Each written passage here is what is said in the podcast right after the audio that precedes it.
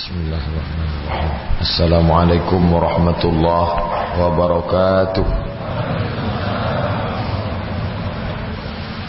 الحمد لله رب العالمين.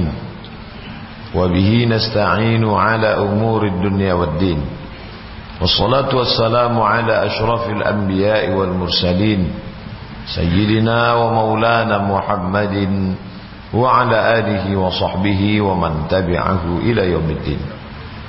Subhanaka la ilma lana illa ma'allamtana innaka antal alimul hakim. Rabbi syrah li sadri wa yassir li amri. Wahlul 'uqdatam min lisani yafqahu qawli. Bapak-bapak, ibu-ibu, hadirin hadirat, alim ulama, sedek pandai tokoh masyarakat, adik-adik, mahasiswa mahasiswi, yang besar tak dihimbau gelar, yang kecil tak disebut nama, insyaallah kita semua hamba-hamba yang dimuliakan Allah Subhanahu wa taala. Amin ya rabbal alamin. Melanjutkan kajian hadis kita. Adapun hadis yang akan kita kaji pada subuh ini disebutkan dalam kitab Musnad Ahmad Ibn Hanbal. Statusnya, kualitasnya disebutkan oleh Imam Ibn Hajar Ibnu Hajar Al-Haythami dalam kitab Majma' Az-Zawaid isnaduhu hasan sanadnya hasan. Sahih hasan dhaif maudhu.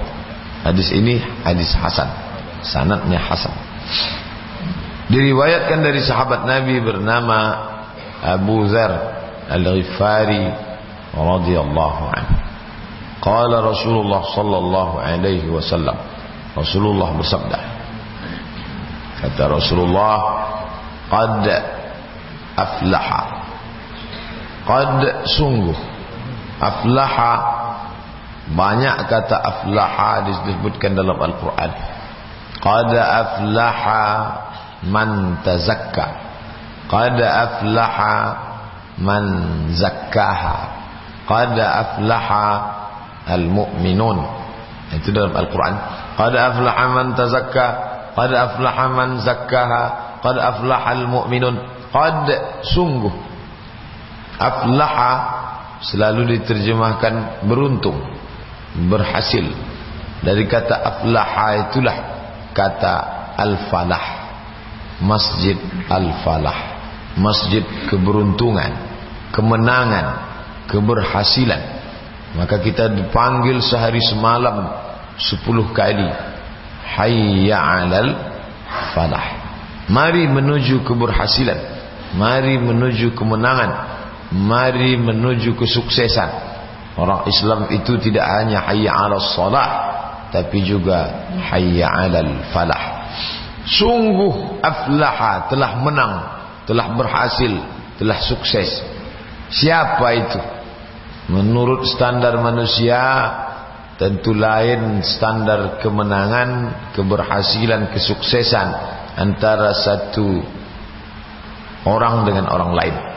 Menurut petani yang berhasil itu ya petaninya yang subur, buah tanam-tanamannya yang subur. Menurut pedagang yang berhasil itu yang barang dagangannya laku. Menurut Dosen yang berhasil itu ketika dia melihat mahasiswa anak didiknya menjadi orang yang bermanfaat buat dunia keilmuan. Maka siapa yang beruntung, yang menang, yang berhasil menurut hadis Nabi sallallahu alaihi wasallam, inilah yang akan kita kaji pada subuh ini. Nabi tidak menyebutkan 1 2 3 4 5, tapi kalau kita urutkan ada tujuh tujuh yang berhasil, yang sukses, yang menang menurut hadis Nabi Muhammad sallallahu alaihi wasallam. Yang pertama, qad aflaha yang beruntung, yang berhasil, yang menang, yang sukses itu siapa? Man akhlasa qalbahu lil iman. Itu yang pertama. Akhlasa diambil dari tiga huruf kha la sad akhlasa dari kata akhlasa inilah ikhlas Siapa yang beruntung yang menang yang berhasil itu? Man akhlasa qalbahu. Orang yang akhlasa qalbahu hatinya lil iman. Kalau diterjemahkan ke bahasa Indonesia yang campur Arab, beruntunglah orang yang sudah mengikhlaskan hatinya untuk iman. Tapi terjemahannya tidak sesederhana itu. Karena kata akhlasa diambil dari kata tiga huruf khalasa akhlasa arti makna khalasa tidak bercampur dengan apa pun.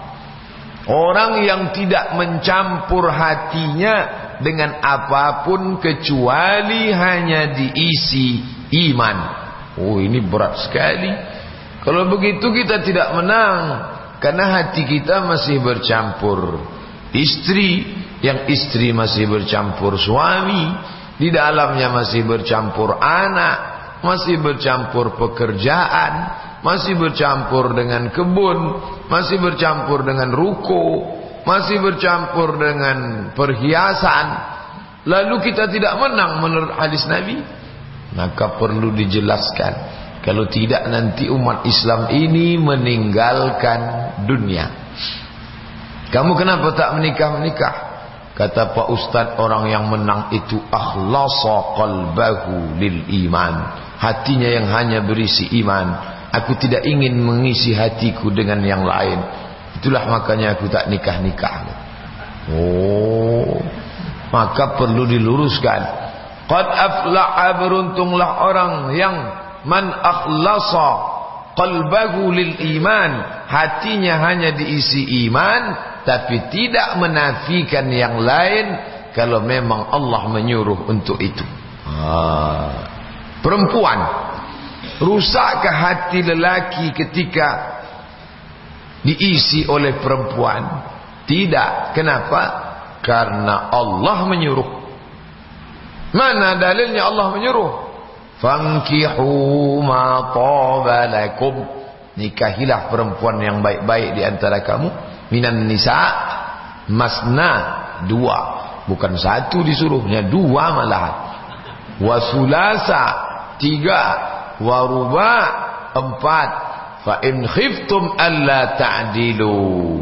Kalau kamu tak sanggup bersifat adil fawahidah satu cukup hadis pula menyuruh begitu hadis riwayat at-tabrani apa kata nabi Man tazawwaja siapa yang menikah faqad istakmala nisfal iman maka dia sudah menyempurnakan setengah iman.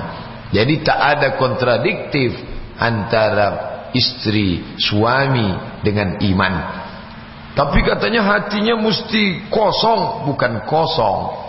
Berisi tapi yang lain tadi membantu untuk menyempurnakan keimanannya. Makanya di antara nikmat yang sempurna itu adalah mukminatun tu'inu ala imanihi. Laki-laki yang sempurna dia punya mukminatun seorang istri yang beriman tu'inu ala imanihi yang menolong keimanannya. Perempuan yang beruntung dia punya suami yang beriman menolong keimanannya sehingga dia terlambat bangun malam maka ada suaminya yang memercikkan air ke wajahnya untuk mengingatkannya supaya dia mengingat Allah Subhanahu wa taala. Ha ini pemahaman yang mesti benar. Kalau tidak nanti umat Islam meninggalkan istri, meninggalkan anak, meninggalkan harta. Kenapa kamu tinggalkan harta ini? Saya sudah baca dalam kitab Musnad Ahmad bin Hanbal, qad aflaha, beruntunglah orang. Siapa yang beruntung itu? Man akhlasa qalbahu lil iman. Hatinya hanya diisinya dengan iman sehingga kalau harta ada di dalam rusak, kalau ada kebun ada di dalam rusak. Bukankah sahabat Nabi punya harta? Lalu tak sempurnakah iman mereka? Harta itu menyempurnakan iman. Ketika kita sanggup mengatur harta itu menjadi sedekahun jariyah. Anak anak itu akan menolong iman. Ketika anak itu mampu kita jadikan menjadi waladun salihun. Perhiasan perhiasan itu akan menolong iman. Ketika kita mampu menjadikannya sebagai zakat zakat harta zakat emas zakat perak. Orang yang mencampur hatinya dengan ternak kambing sapi rusakkah imannya gara-gara di dalamnya ada itu? Tidak karena hartanya itu tidak menguasai hatinya tapi hatinya lah yang menguasai harta sehingga hartanya itu tunduk kepada hatinya. Ah sudah ditulis. Qad aflaha man akhlasa qalbahu lil iman bukan lillah lil iman qad aflaha man akhlasa qalbahu lil iman Bapak Ibu yang dimuliakan Allah Subhanahu wa taala maka di zaman saat ini banyak sekali yang merusak hati ini sehingga tak utuh sempurna. Ada ungkapan Rabi'ah Al-Adawiyah. Seorang perempuan yang awalnya nakal, penari, lalu bertobat mendekatkan diri kepada Allah Subhanahu wa taala. Lalu setelah itu dia membawa satu makna dalam aliran tasawuf yang disebut dengan hub. Hub itu artinya cinta. Maka suatu ketika dia ditanya kamu selalu sikit-sikit cerita cinta cinta cinta kepada Allah lalu apakah masih ada kebencian kepada iblis kepada setan kata dia tak ada lagi kebencian karena semuanya sudah diisi dengan cinta kepada Allah Subhanahu wa taala. Ini kalimat ini batil kalau dipahami secara zahirnya batil. Masa tak benci sama setan? Padahal Allah mengatakan Inna syaitana lakum aduun Setan itu musuh Fattakhidhuhu aduwa. Jadikan dia sebagai musuh. Kalau musuh mana mungkin kita suka Benci? Tapi itu kalimat-kalimat orang Yang begitu tak bisa dipahami secara zahir. Dia perlu penakwilan takwil. Maka maknanya adalah semua hatinya berisi iman. Sehingga dengan keimanan yaitu dasar cinta maka cintanya itu sudah memenuhi hati sampai tak tersisa kepada yang lain. Bapak Ibu yang dimuliakan Allah Subhanahu wa taala ini pemahaman tentang orang yang beruntung kata Nabi sallallahu alaihi wasallam adalah aflaha. Siapa itu? Man akhlasa. Orang yang memurnikan hatinya sampai tak bercampur dengan yang lain ketika hati dirusak oleh cinta terlalu lebih kepada pasangan hidup sampai merusak hati iman kepada Allah. Rusak gara-gara terlalu cinta. Suami terlalu sayang kepada istri istri terlalu sayang kepada suami. Tak boleh. Karena dia tidak selamanya dengan kita. Nanti kalau dia mati Bagaimana? Itu bahaya. Maka ibu Bapak Sayang boleh. Tapi terlalu berlebihan. Kamu istriku jangan terlalu sayang pada saya. Nanti kalau saya mati kamu stres. Istri juga pesan begitu Bang Abang tak perlu terlalu sayang kepada aku. Nanti aku mati Abang mau ke mana? Maka sebelum aku mati Cari memanglah yang lain. Eh jangan pula begitu. Marah. Maknanya jangan terlalu berharap kepada manusia. Nanti kita kecewa. Jangan terlalu harap pada kuasa. Nanti kita akan tersiksa. Karena dia akan binasa. Jangan terlalu berharap kepada harta. Nanti kita akan hampa.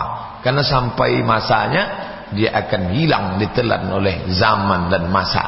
Maka gantungkanlah pengharapan kepada dia yang akan kekal abadi untuk selamanya yang dia yang tak pernah tidur tak pernah mati la ta'khudhuhu sinatun wala naum al-hayyu yang maha hidup al-qayyum banyak orang menggantungkan cintanya kepada anak. Lalu ketika anaknya itu mati dia stres dia depresi. Dia lupa innama amwalukum wa auladukum fitnah. Anak harta itu tak lain tak bukan hanyalah ujian keimanan ini kalau tak difahami dengan baik nanti orang Islam menghadapi hidup ini akan kacau. Bapak Ibu yang dimuliakan Allah Subhanahu wa taala. Maka yang beruntung tu kata Nabi adalah man akhlasa qalbahu lil iman. Bagi Bapak Ibu yang selama ini sudah alhamdulillah Pak Ustaz saya sudah menata hati saya. Tak ingin saya hati saya itu rusak diambil oleh anak saya tak mau hati saya itu rusak diambil oleh suami istri saya mau dia hanya untuk Allah semata.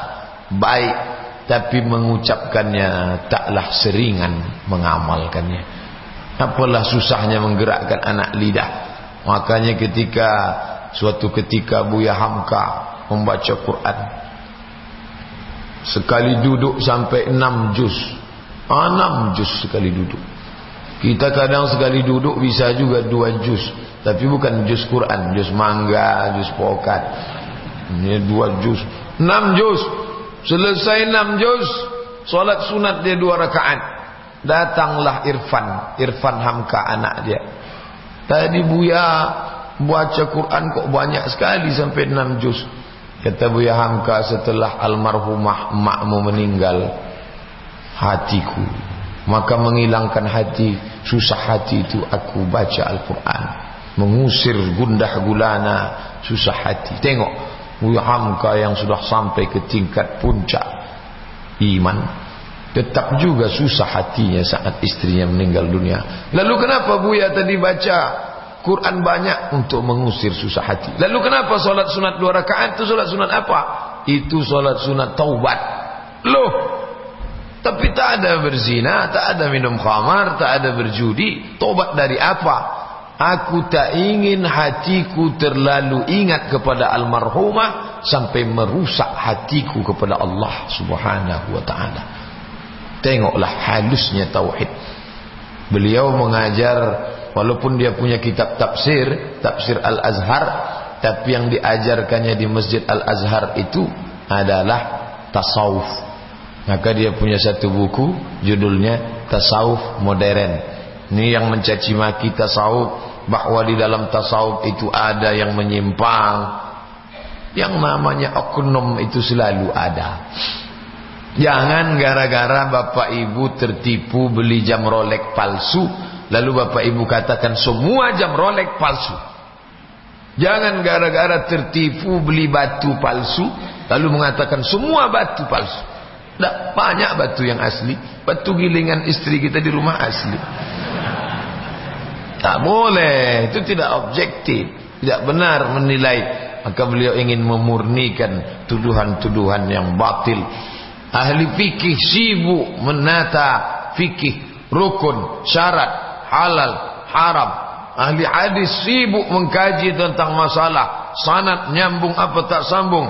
Ini ada syaz apa ada illat perawinya adil apa dhabit?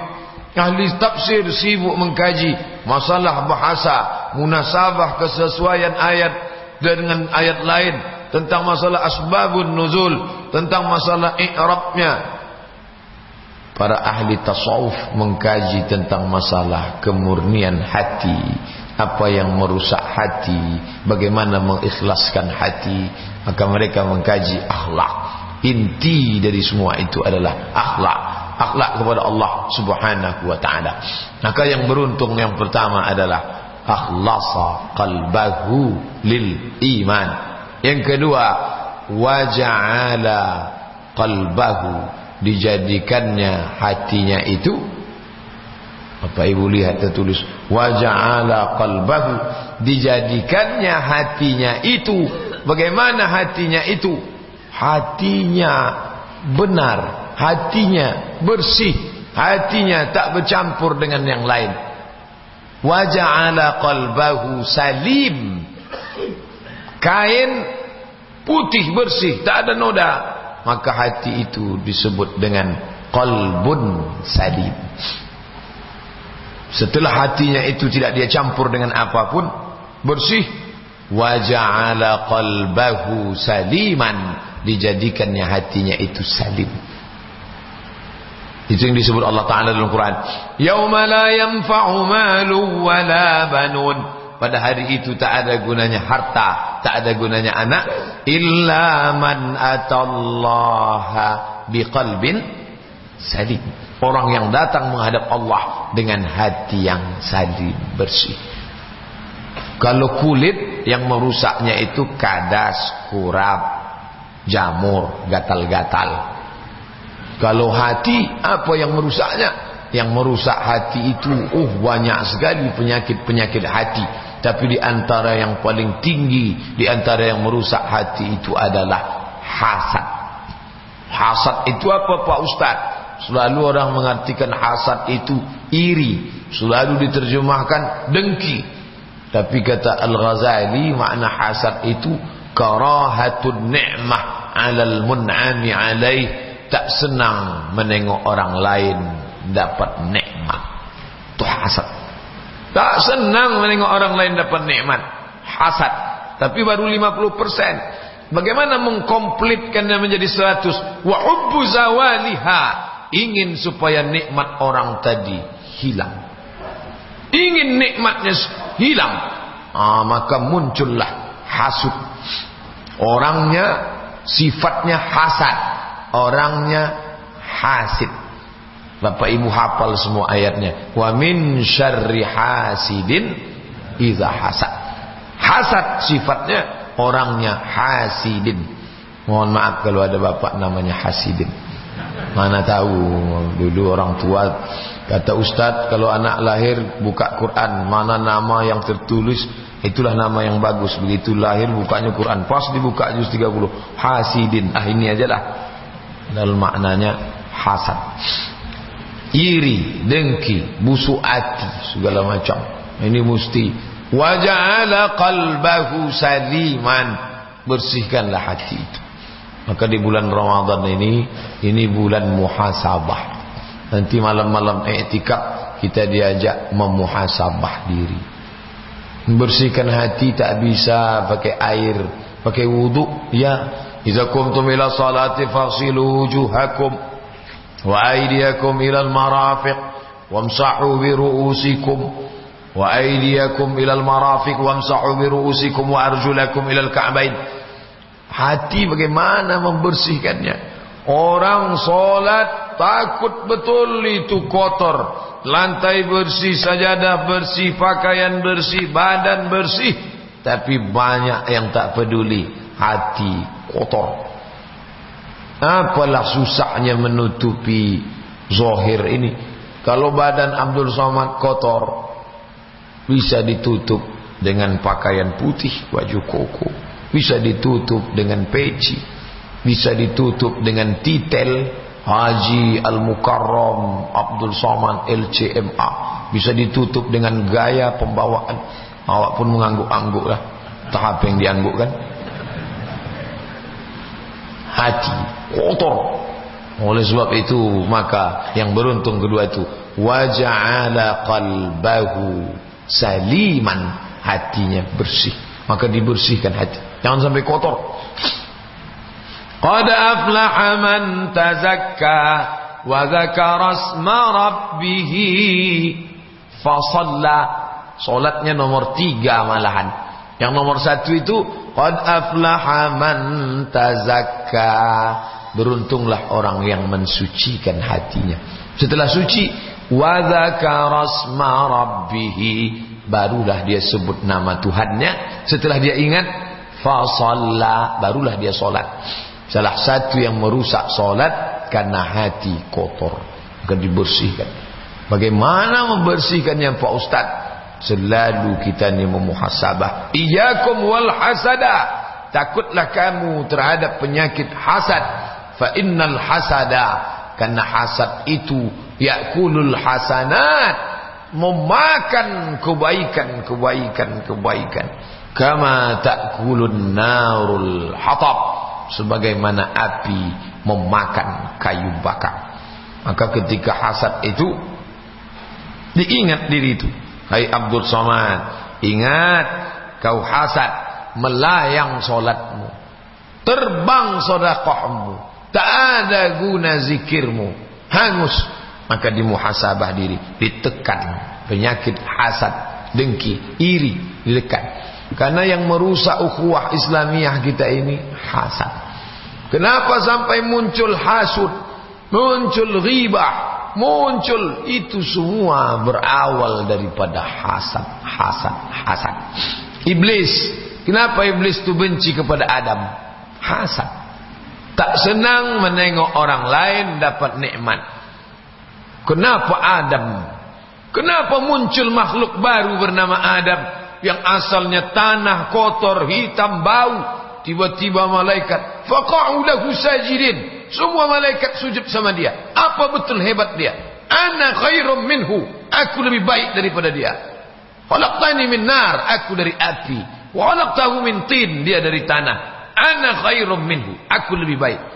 Dari mana muncul penyakit takabur sombong iblis itu? Daripada hasad. Semuanya bermuara dari hasad. Memangnya kalau orang sudah ngaji hasadnya hilang. Berusaha. Makanya kalau ngaji rajin hasad tak hilang. Ingat. Muhasabah diri baik-baik. Ilmu banyak hasad tak hilang. Ingat. Muhasabah baik-baik. Ha, Bapak Ibu yang dimuliakan Allah Subhanahu wa taala, maka Ramadan yang akan kita hadapi ini ini salah satu membersihkan hati.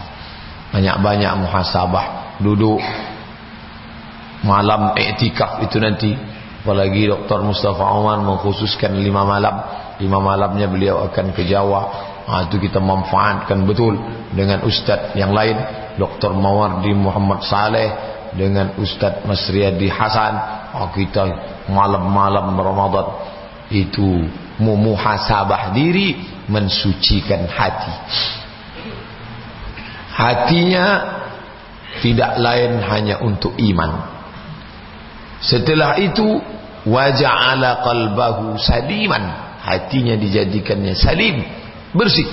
Yang ketiga walisanahu sadiqan.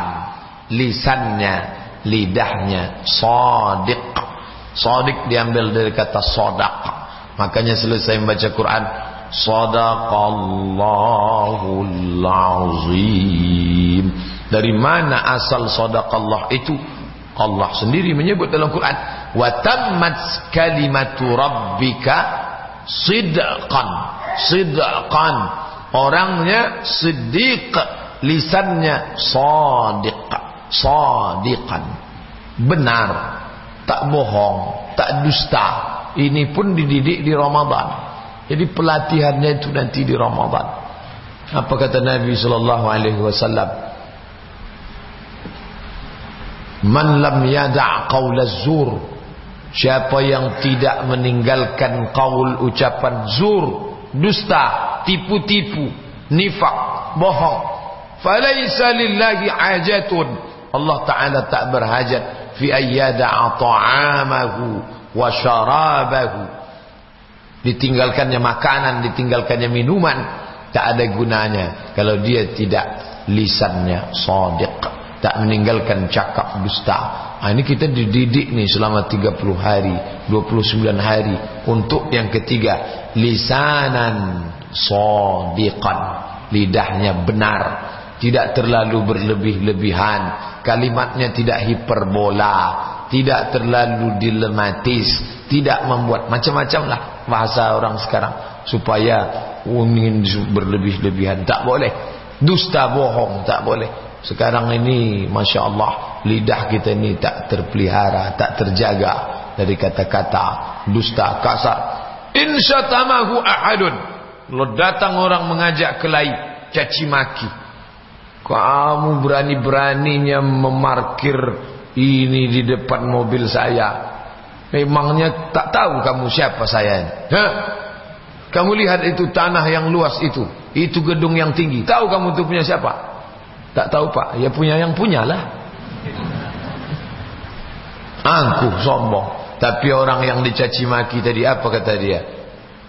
Falyaqul hendaklah dia mengatakan inni shaim inni shaim dua kali ana shaim aku puasa aku puasa yang anak-anak gadis yang perempuan datang orang ngajak kelai Kamu dari tadi saya lihat lewat-lewat di depan rumah saya bolak-balik. Tak tahu kamu laki saya ini gatal. Kamu mancing-mancing dia ya? Orang pula dimarahinya. Mestinya kan dia bisa menjawab. Kamu tapi ini soim, ini soim. Aku puasa, aku puasa. Kalau terlalu keras betul jawablah ini soim dengan penekanan. Ini soim. Hawas setelah buka nanti tengok. Ini yang jadi masalah. Tak boleh. Puasa itu bukan dari azan subuh ke azan maghrib, bukan. Dididik untuk menguasai lidah. Inni sha'im. Inni sha'im.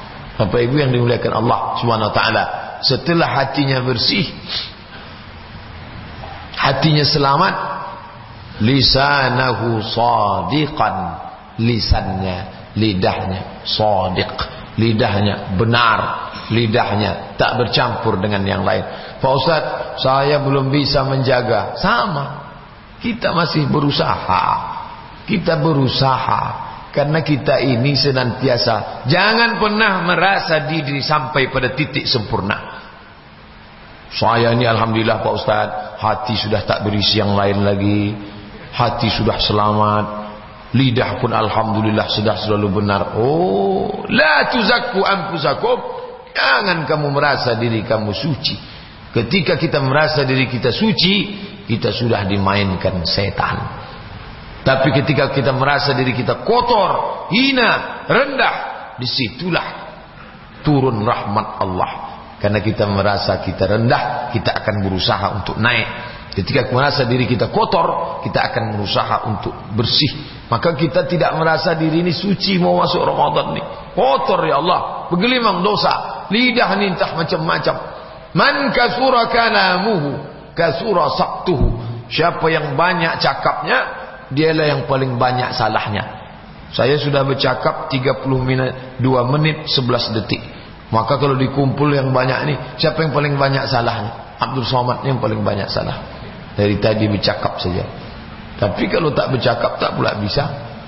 Yang akan menyampaikan sausiah Ustaz subuh ini Al-Mukarram Ustaz Abdul Somad. Sampai di mimbar diam. Ustaz kan disuruh ngomong. Ada orang itu tak boleh bicara. Dia tak boleh bicara. Kalau dia bicara, rusak. Rusak kerjanya kalau dia bicara. Tukang. Tukang tak boleh bicara. Kalau ada tukang di rumah bapak ibu, ajaklah ngomong. Itu semen tak jadi-jadi. Tapi ada pula yang wajib bicara. Nah ini dia. Yang dibicarakan itu benar. Tak boleh campur tipu-tipu, dusta, bohong. Tak boleh. Walisanahu sadiqan lisannya benar. Empat, wa nafsahu mutmainnatan, jiwanya tenang. Ah, semua berasal dari hati. Hati ikhlas, hati salim, lidah benar, jiwa tenang. Bagaimana jiwanya? Mutmainnah. Itulah yang diundang, yang dipanggil oleh Allah. Ya ayyatuhan nafsul mutmainnah. Wahai jiwa yang tenang. Dia terbagi tiga. Yang pertama lawamah. Lawamah ni condongnya ke kiri aja.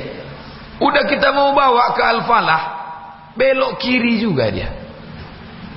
Lumayan belok kiri. Sampai ke Al-Falah belok kiri. Daripada dia terus ke pemakaman pahlawan. Ke kiri aja Pak. Sudah pokoknya mau ke kiri aja. Yang satu lagi pula ke kanan. Ha, inilah yang kita inginkan. Dibawa pun dia ke kiri. Tetap juga dia belok kanan. Mutumainnah. Yang tengah-tengah ni yang bahaya. Lawamah. Kalau yang ini ammaratum bisu. Su. Buruk. Jahat. Yang ini mutmainnah. Ah ini lawamah. Lawamah ini tergantung tergantung siapa yang paling banyak membisik. Dua membisik ke pengajian, tiga ke karaoke. Ah karaoke dia belok. Itulah maka banyakkan SMS itu.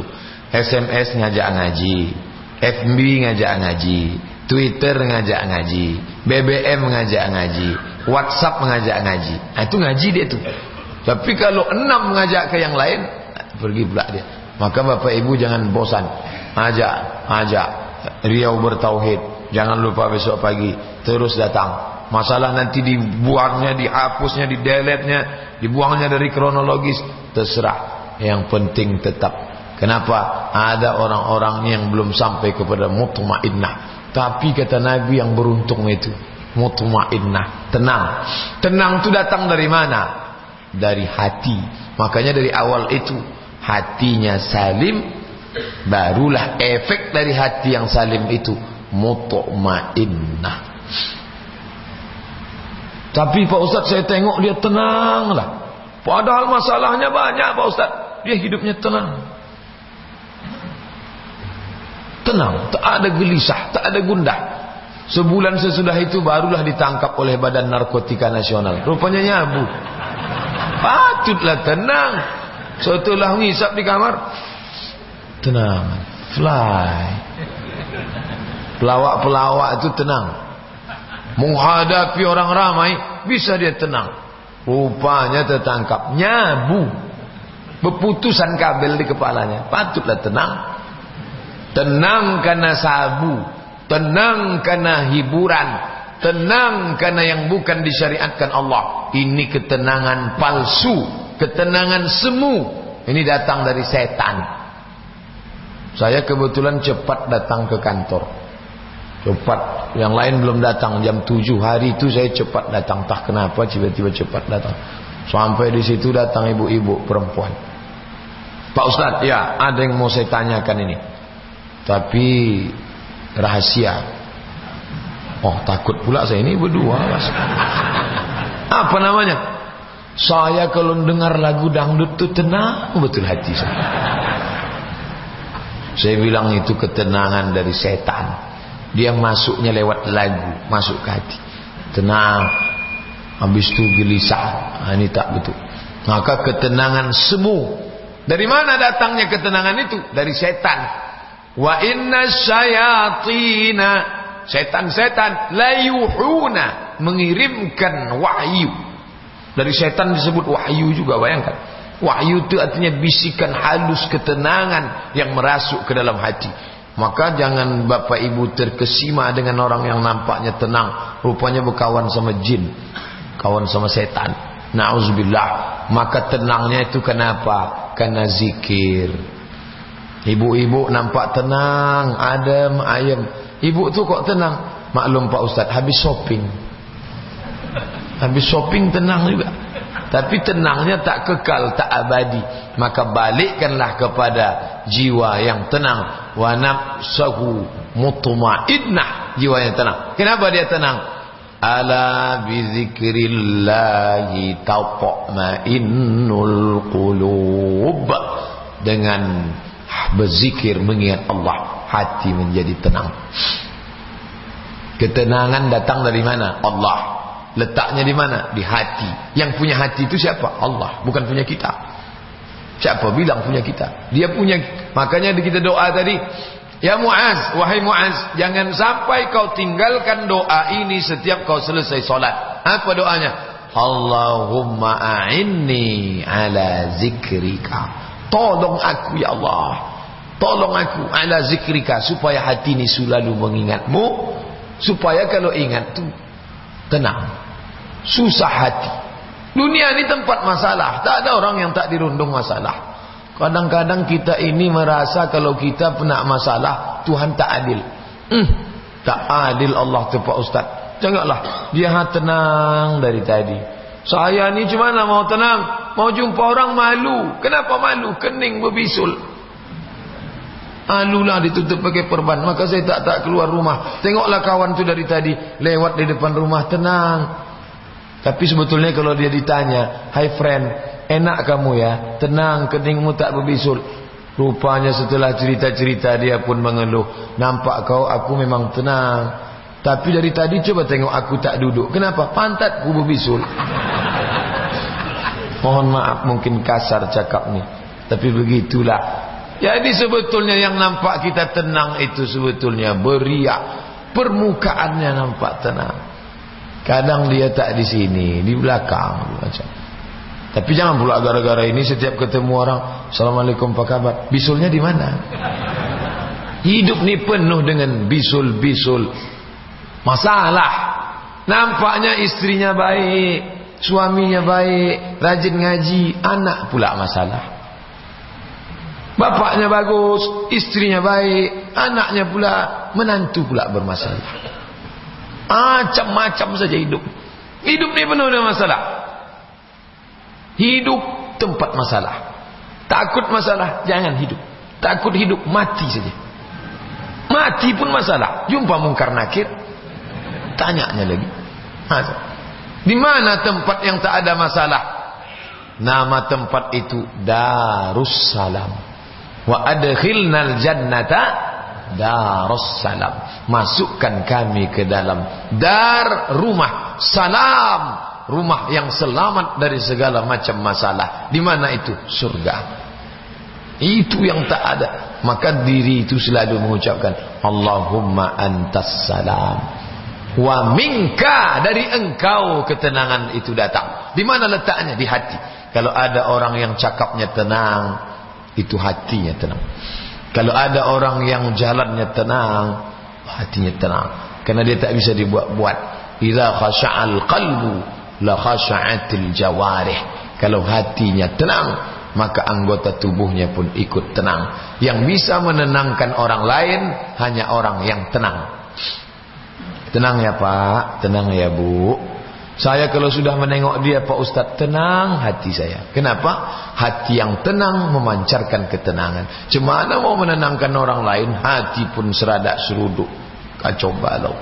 Maka oleh sebab itu, wa nafsahu mutmainnah, jiwanya tenang. Setelah jiwanya tenang, yang kelima, wa khaliqatahu mustaqimah. Khaliqah anggota tubuh, tangan, kaki, mata, kepala, tindak tanduk, khaliqah mustaqimah, mustaqimah lurus. Jalan yang dilewati itu disebut ihdinas siratal mustaqim. Hidup ini harus mustaqim. Diri yang melewati itu disebut dengan mustaqimah perilakunya lurus, cakapnya lurus, tindak tanduknya lurus, keputusannya lurus. Jangan zigzag. Hidup ini banyak zigzag. Tiba-tiba tuh ke sana, tiba-tiba tuh ke kiri. Orang pun bingung menengok keputusannya. Kadang-kadang berpihak ke Islam, kadang-kadang menikam Islam, kadang-kadang tepat jujur dan benar kadang-kadang kenapa tak mustaqimah semua berawal bermuara daripada iman hati lidah jiwa tindak tanduk. Wa khaliqatahu mustaqimah. Ini yang kita selalu ingin kita selalu berharap. Ngaji ada target tujuan. Kalau ngaji Cuman ngumpul-ngumpul dalil-dalil hanya untuk pamer gagal.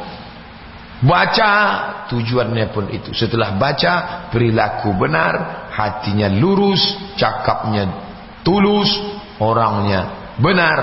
Lalu kemudian wa khaliqatahu mustaqimah.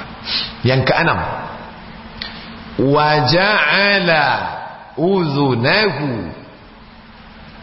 mustami'ah dijadikannya telinganya mustami'ah mustami'ah diambil dari kata sami'ah sami'ah dengar.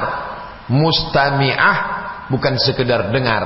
Dengar dengan renung makna. Makanya dalam Quran idza wa idza quri'al Quran kalau Quran dibacakan fastami'u. Bukan disebut fasmi'u. Kalau fasmi'u dengarlah. Isma'u fasma'u, fasma'u dengarlah. Tapi disebut fastami'u, dengar dan renung baik-baik. Wa ja'ala udhunahu mustami'ah, telinganya mendengar dengan seksama. Bapak sampai menit yang ke-44 ini masih konsen, itu karena telinga itu mustami'ah. Kalau dia buyar dari tadi, masuk ke yang lain. Telinga itu mendengar. Sekarang payah mencari telinga mendengar Bapak Ibu. Mendengar lagu banyak, mendengar cerita banyak, sudah mendengar kaji dari awal sudah ditutup. Ja'alu asabi'ahum fi adhanihim. Jari jemarinya dibuatnya di telinga. Malas mendengar. Mendengar khutbah aja tak mau. Jangankan pengajian yang panjang sampai 45 menit. Khutbah yang 20 menit. Di Masjid Agung Anur tertulis di sini. Khutbah 20 menit. Maka bapak kalau saya tengok saya khutbah asal lewat 20 ah berhentilah. Takut saya mana tahu dipasang pula bel berbunyi di tet. Mendengar khutbah yang 20 ya tak mau. Memang tidaklah macam umat Nabi Nuh disumbatnya telinganya enggak, tapi perilakunya macam orang menyumbat. Baru 20 15 menit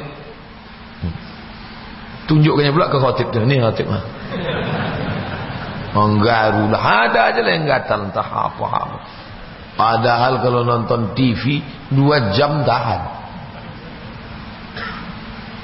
Ja'ala uzunahu mustami'ah. Telinga yang mau mendengar. Dulu kata orang tua-tua zaman dulu, nak janganlah kau macam nasihat masuk telinga kanan, keluar telinga kiri. Itu orang tua zaman dulu.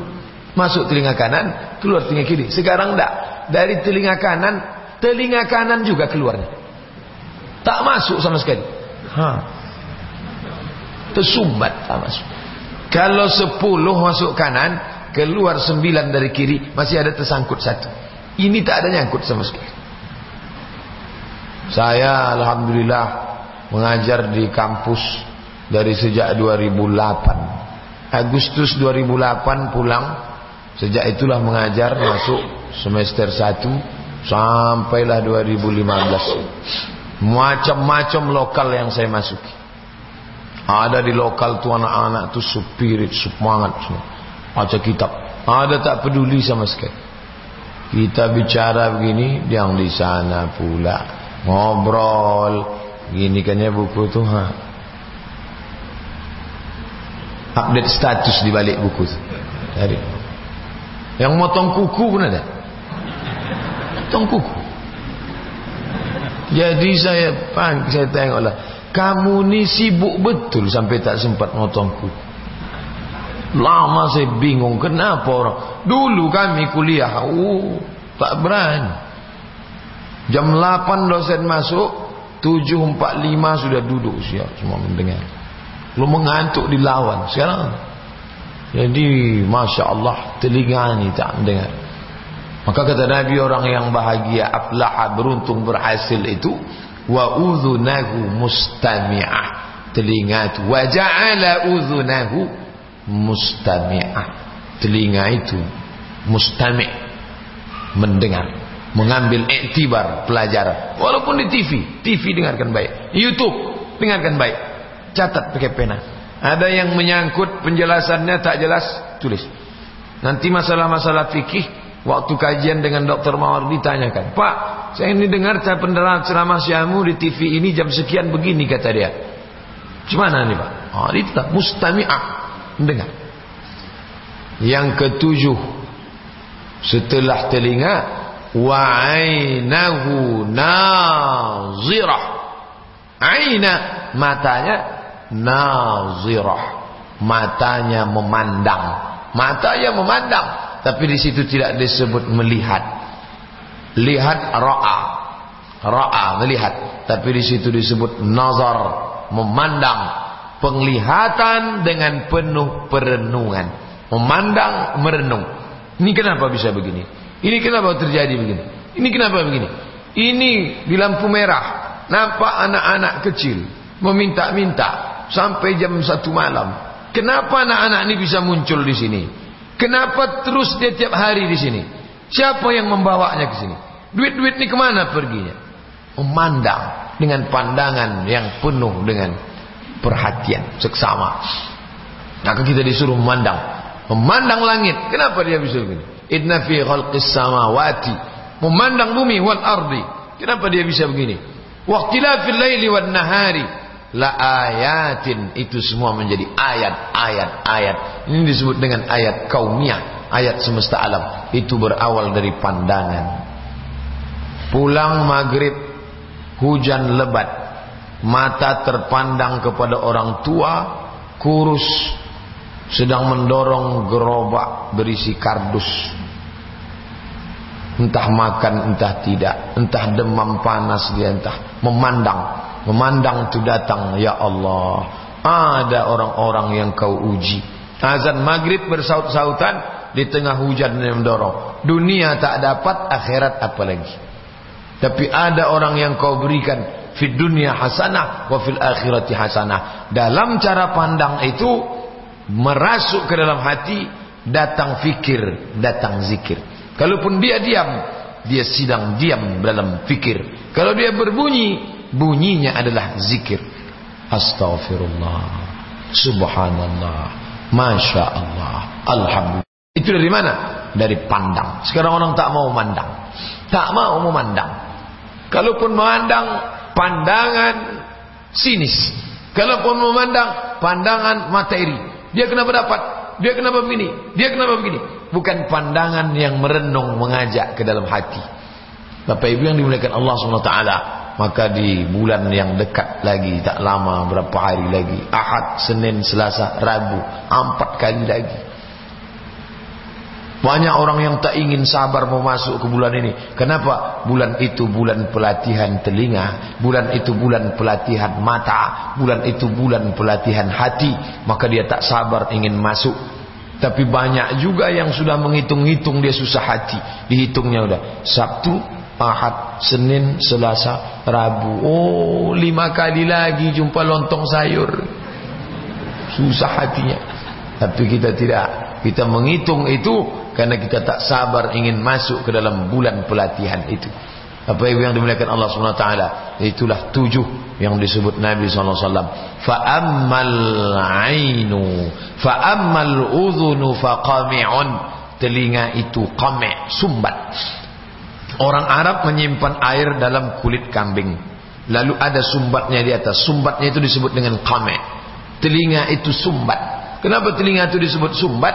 Karena semua informasi masuk lewat telinga dari telinga itu nanti orang berpikir, masukkanlah yang baik-baik seperti memasukkan air ke dalam kulit, masukkanlah air. Kalau tak yang tak baik, sumbat. Ini sekarang ini yang masuk ke telinga ini macam-macam. Masuk informasi radio masuk, televisi masuk. Kenapa tak disebut mata? Karena ada orang yang tak bisa menerima informasi lewat mata. Makanya yang pertama kali informasi itu lewat telinga. Inna sam'a. Tengok susunan hadis ni sejalan dengan Al-Quran. Inna sam'a wal basar wal fuad. Berawal informasi itu dari telinga masuk ke dalam. Dan subhanallah, yang pertama kali diberikan Allah kepada kita waktu di rahim telinga. Janin itu lebih dulu mendengar daripada melihat. Buka surat Al-Insan. Inna khalaqanal insana min nutfatin amsyajin dari sperma yang bercampur dengan ovum sel telur. Faja'alnahu sami'an basira. Sami' mendengar dulu. Maka disebut fa ammal udhuna faqami'un. Fa ammal udhun faqami'un. Adapun telinga itu adalah sumbat. Maka yang tak baik ini di bulan Ramadan nanti. Ini pelatihan mendengar. Selama ini telinga ni entah apa-apa masuk. Oh masuk. Keong racun masuk kucing garong masuk entah apa-apa masuk tapi begitu Ramadan kita tengok anak muda, oh, pakai baju kaos, celana jeans. Sedang mengangguk. Kita sangka ini pasti dengar musik underground ini. Begitu kita tarik sebelah earphone-nya kita dengarkan. Fabi ayyi ala'i rabbikuma tukazziban bainakuma barzakhun la yabghiyan. Masya Allah. Mohon maaf nak, saya sudah suuzon kepada kamu. Saya sangka tadi lagu dangdut karena saya tengok goyangnya macam goyang dangdut. Rupanya yang kau dengarkan ini ayat-ayat Allah. Kau sedang menikmati firman Allah. Alladhi wa idza tuliyat 'alaihim ayatuhu ketika ayat-ayat itu diperdengarkan zadatuhum imana bertambah imannya Maka jadikanlah telinga itu sebagai saringan. Kalau tidak, maka dia sebagai sumbat. Fa ammal udhunu faqami'un. Maka telinga sebagai sumbat. Wal ainu bimuqirratin bima yu adapun bima yu al qalb adapun mata maka dia mengikuti apa yang dibisikkan oleh hati hati mengatakan tengok itu hati mengatakan pandang itu hati mengatakan maka ada dua yang diberikan Allah alat telinga dan mata. Ujung. Di awal hadis tentang hati di ujungnya pun Nabi memesankan hati. Qad aflaha man ja'ala qalbahu wa'iyan. Beruntunglah orang yang menjadikan hatinya sebagai wa'iyan. Wa'iyan diambil dari kata wa'a. Selalu memperhatikan hati. Selalu menjadikan hati perhatian. Hati dijadikan sebagai alat untuk menangkap kebenaran. Ala fil jasadi mutghah. Ketahuilah dalam jasad itu ada segumpal. Idza saluhat kalau dia baik saluhal jasadu kulluh. Yang lain ikut baik. Wa idza fasadat kalau dia rusak fasadal jasadu kulluh. Yang lain ikut menjadi rusak. Inilah tujuh. Tapi kalau kita perhatikan di tujuh yang disebutkan Nabi tak ada menyebut materi.